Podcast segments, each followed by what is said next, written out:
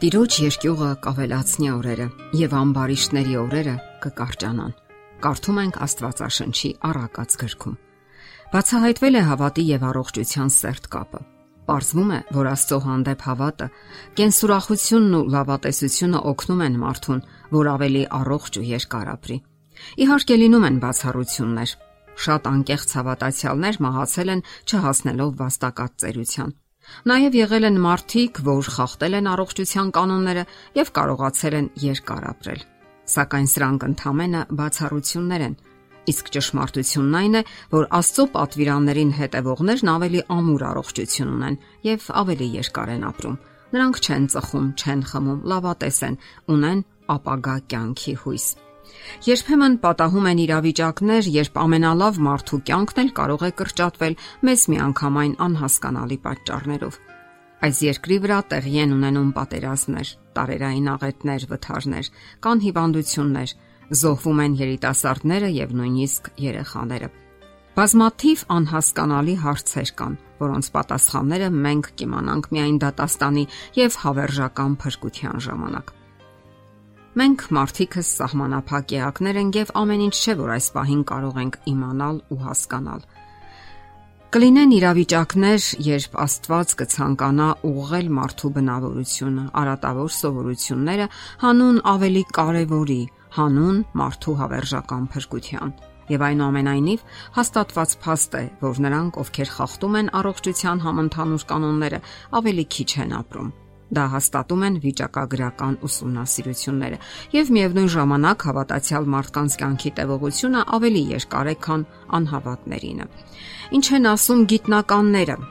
Ծխելը կտրուկ նվազեցնում է ինչպես տղամարդկանց, այնպես էլ կանանց կյանքի տևողությունը։ Այն տղամարդիկ, որոնք ծխում են օրական 15 եւ ավելի ծխախոտ, եւ այն կանայք, որոնք ծխում են օրական 6 եւ ավելի ծխախոտ, կրճատում են իրենց կյանքի տևողությունը համապատասխանաբար 10 եւ 6 տարով չծխողների համեմատ։ Այսպիսով ծխելը կյանքի տևողության համար ամենավտանգավոր երևույթներից մեկն է։ Ինչպես ողրզվել է, հենց հավատն է օգնել շատ մարդկանց, որ հաղթահարեն ամենածանր հիվանդությունները, նույնիսկ այնպիսիք, որոնք անհուսալի են համարվել։ Դա ցույց են տվել հարցումները, որոնք անց են կացրել մի քանի 100 մարդկանց մեջ, ովքեր բուժվել են կյանքի համար լուրջ վտանգ ներկայացնող հիվանդություններից։ Հարցազրույցների ժամանակ նրանց խնդրել են մանրամասն պատասխանել իրենց հիվանդությանը վերաբերող մի շարք հարցերի։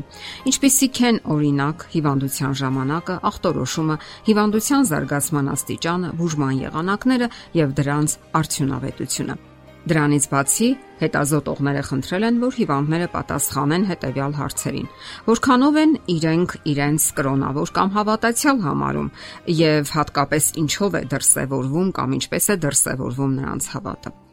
Ուսումնասիրության արդյունքները ցույց են տվել, որ մնացած հավասար տվյալների դեպքում նրանք, ովքեր իրենց հավատացյալ են համարել եւ անկեղծ են եղել իրենց հավատի մեջ, միջինում ավելի լավ են դիմացել տարբեր հիվանդությունների։ Եվ նույնիսկ հիվանդությունների դեպքում կյանքի միջին տևողությունն է ավելի երկար եղել այդ անկեղծ հավատացյալների մոտ, համեմատած աթեիստների կյանքի տևողությանը։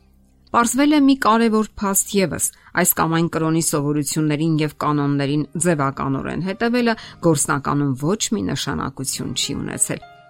Մարդու առողջական վիճակի վրա ազդեցություն ունեցել է հենց անձնական վերաբերմունքը ընտրած կրոնի եւ Աստծո հանդեպ, այլ ոչ հավատի ձևական մարմնավորումը։ Ուսումնասիրվել են նաև այն դեպքերը, երբ մարդիկ կենթանի են մնացել թվացial ամբուժելի քաղցկեղից հետո։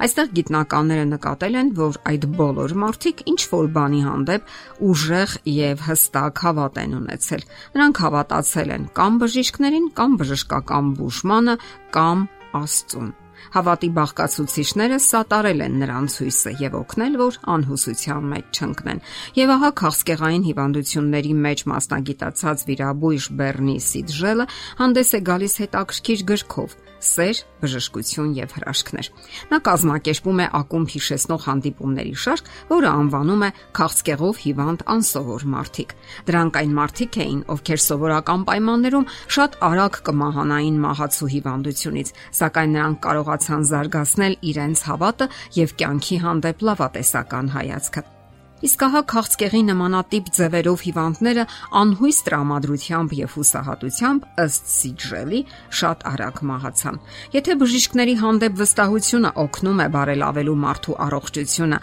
ապա ինչ կարելի ասել մեծ Աստծո հանդեպ հավատի մասին։ Հիսուսի անհամեմատելի սերն ու զորությունը միանգամայն իրական են, երբ մենք խոսում ենք նրա գթասրտության եւ բուժարար զորության մասին եւ ունենք կենթանի ու գործուն հավատ նրա հանդեպ, ապա ավելի մեծ հույսով ենք դիմանում կենսական դժվարություններին այդ թվում նաև հիվանդություններին։ Թե ուժեղ կամքի եւ թե հավատի շնորհիվ մարդը կարող է հաղթահարել ված սովորությունները եւ պայքարել հիվանդությունների դեմ։ Իսկ լավատեսությունը եւ պայծառ հավատը մարդուն կօգնեն, որ ապրի ներկա ուրախություններով, ինչպես նաև գալիք հավերժական կյանքի հույսով։ Աստված տվել է լավագույն միջոցներն ու ընտունակությունները, որpիսի ապրենք ուրախ ու երջանիկ։ Իհարկե կլինեն դժվարություններ եւ բարդ իրավիճակներ, սակայն կյանքի հանդեպ դրական ու լավատեսական վերաբերմունքը կօգնի հաղթահարելու ցանկացած դժվար իրավիճակ։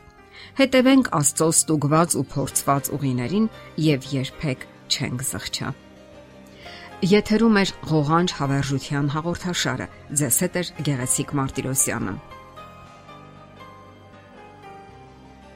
Հարցերի եւ առաջարկությունների համար զանգահարել 033 87 87 87 հեռախոսահամարով։